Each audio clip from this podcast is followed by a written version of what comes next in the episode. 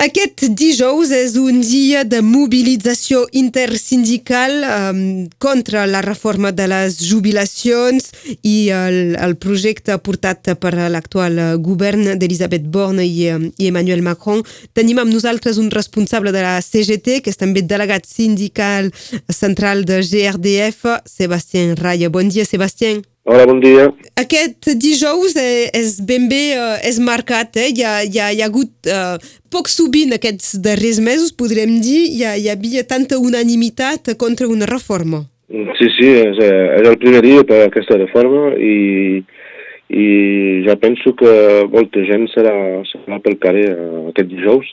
És que la gent penso que en tenen prou de, de veure tot el que es passa amb aquest govern la gent no vol més treballar fins a, després de, de 62 anys i, la, la, aquesta reforma no va bé a ningú. Dóna la sensació que a cada mandat, a cada president, hi ha l'intenció de fer una, una reforma i que les reformes és sempre per eh, recular l'edat. Sí, sempre és, és per la mateixa cosa. bueno, després, sobre... Sempre és un món capitalista i el govern fa, fa, fa això. Eh?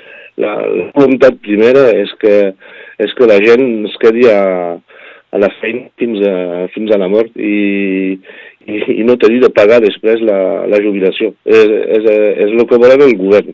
I si la gent vol, vol marxar més d'hora, eh, tindran que prendre assegurança privada i per la gent del, del capital.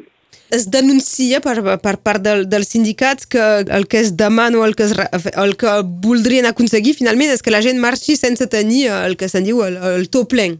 Això, això sí, perquè eh, 60, 64 anys no vol dir que 64 anys serà, serà amb, amb el tot ple, serà l'edat a, a, a quin la gent podrà pensar de marxar no serà, no serà això.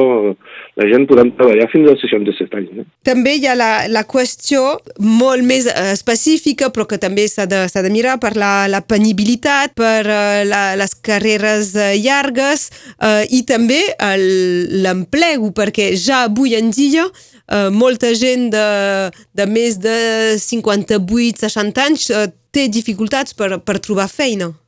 Sí, sí, sí.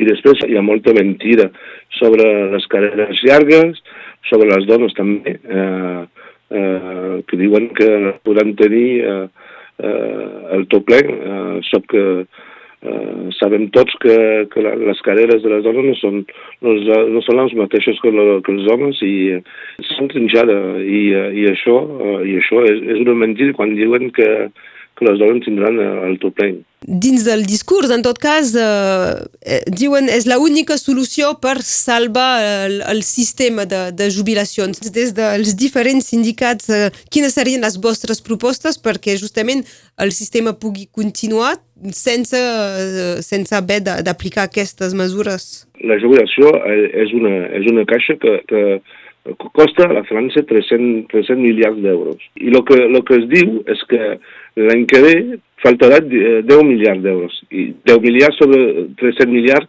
el que pensem nosaltres eh, és que 10 miliards pot, pot, podem pensar que és, una, és molt enorm, però quan el posem face als 300 miliards que costa la, la, la jubilació, no és tant que això. I després, el que es passa, eh, perquè ara estem, arribem a això, eh, i com, hem, com, hem, com, podríem, com podríem fer, eh, és sobretot limitar totes les exoneracions que fan les empreses.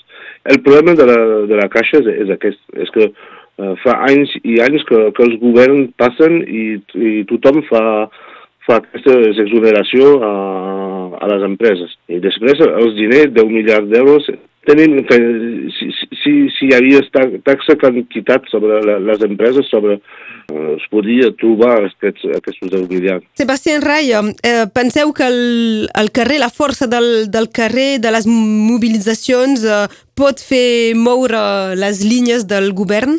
Jo penso que sí. No, no, no tenim que oblidar que en 2020 ja, ja havia començat a imaginar la, la, la mateixa reforma eh? i tot s'ha parat bueno, gent diuen que, que era el Covid que, que ha fet parar tot això, però jo penso que eh, la gent al carrer ha, ha fet que tot, tot va parar. Avui a França hi ha de gent que treballen eh, o que tenen edat per treballar, eh, eh, hi ha nou, nou francesos però dius que no en volen eh, d'aquesta reforma. Ara que cal imaginar com podríem fer, jo, jo estava parlant, a, imaginant com, volem, com podem fer una, un referèndum sobre, sobre, sobre aquest, aquest, aquest projecte i, uh, i a veure si podem fer firmar gent i uh, arribar a aquest referèndum. Un, un ric. Sí, o, una mica sí, és això. Doncs aquesta seria una, una proposta que, que el mm, poble pugui expressar-se directament si sí o no vol aquesta, aquesta reforma de, de jubilacions. Només per eh, puntualitzar, a, a Perpinyà la manifestació sortirà a les 10 i mitja de plaça Catalunya i farà, farà la gran volta de, de boulevard. En general, quan es tria aquest, aquest itinerari per part de, de l'intersindical és que s'espera molta gent, eh? Sí, sí, espera molta gent i, bueno, és el primer dia i, i cal que la gent es, es queda al carrer i la, perquè la setmana que ve ja tindrem, ja tindrem penso, l'altre dia per sortir i per fer recorreguts.